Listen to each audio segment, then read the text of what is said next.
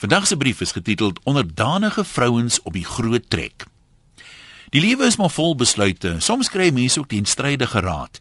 'n Filosofie van moet nooit ooit opgee nie, het baie mense al ongekende dinge laat vermag.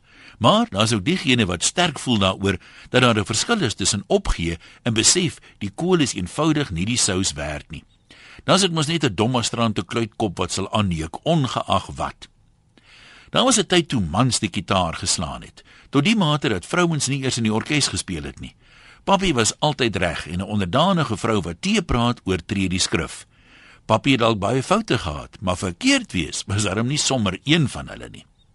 Ek wonder hoeveel huwelike tydens die verskillende stadiums van die groot trek gesneuwel of ten minste geknak. Om te skei was dalk vir 'n vrou ondenkbaar, maar ek sweer daar was heel party dun lippies saans om die kampvuur. Dink byvoorbeeld 'n bietjie hieroor. Vrouens was toe nie deel van die politiek nie, so toe papi sy moer strip vir die Engelse en sê genoeg is genoeg, Johanna Pakkieva, ons ry môre met eerste lig. Het sy nie regtig veel van 'n keuse gehad nie. Al het sy lekker gebly in die Kaap. Die eerste paar dae was seker 'n avontuur. Deur Stellenbosch se wynlande saam met Polly Parel toe, die parel van die Boland. Maar die Toisloofse berge is darm nie Papagaaiberg nie. Dit sou beslis 'n uitdaging gewees het sonder die tonnel. Die pragtige Slanghoek en Hexrivier valleie aan die ander kant het seker gelyk na 'n goeie beloning.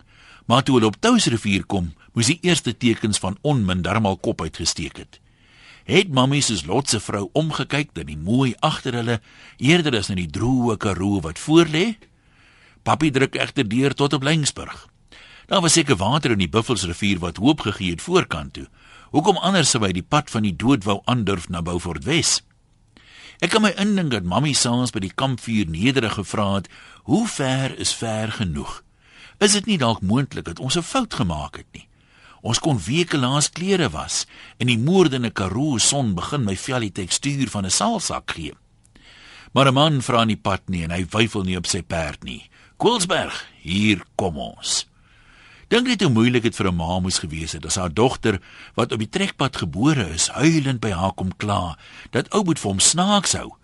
Hy vertel allerlei liegstories oor hoe hulle vrugte en eislike trosse druiwe gepluk het, nes in Kanaan. Is net van dit sy gebore is dat hulle dit nie meer doen nie. En dan vra sy nuuskierig: "Mamma, wat is druiwe?" Daar was natuurlik mans wat sou aanhou trek tot aan die voet van die Sahara woestyn. Maar die rede hoekom daar klein dorpies in die Karoo ontstaan het, is waarskynlik omdat daar iewers 'n laaste strooi halmpie was wat die ma kameel se rug gebreek het. Toe papi weer sê, "Johanna Pagiva," het mamma haar ruggie styf gemaak en haar lippies dun. Kyk hoe gaan dinge in hierdie nuwe land. Hier's nie kos nie, hier's nie water nie. Waar gaan die kinders werk kry? Hoe kan 'n mens positief bly as ons volk nie eers meer leiers het nie? Die enkeles wat nog oor is stig af Hoe moet 'n mens weet wie om te volg?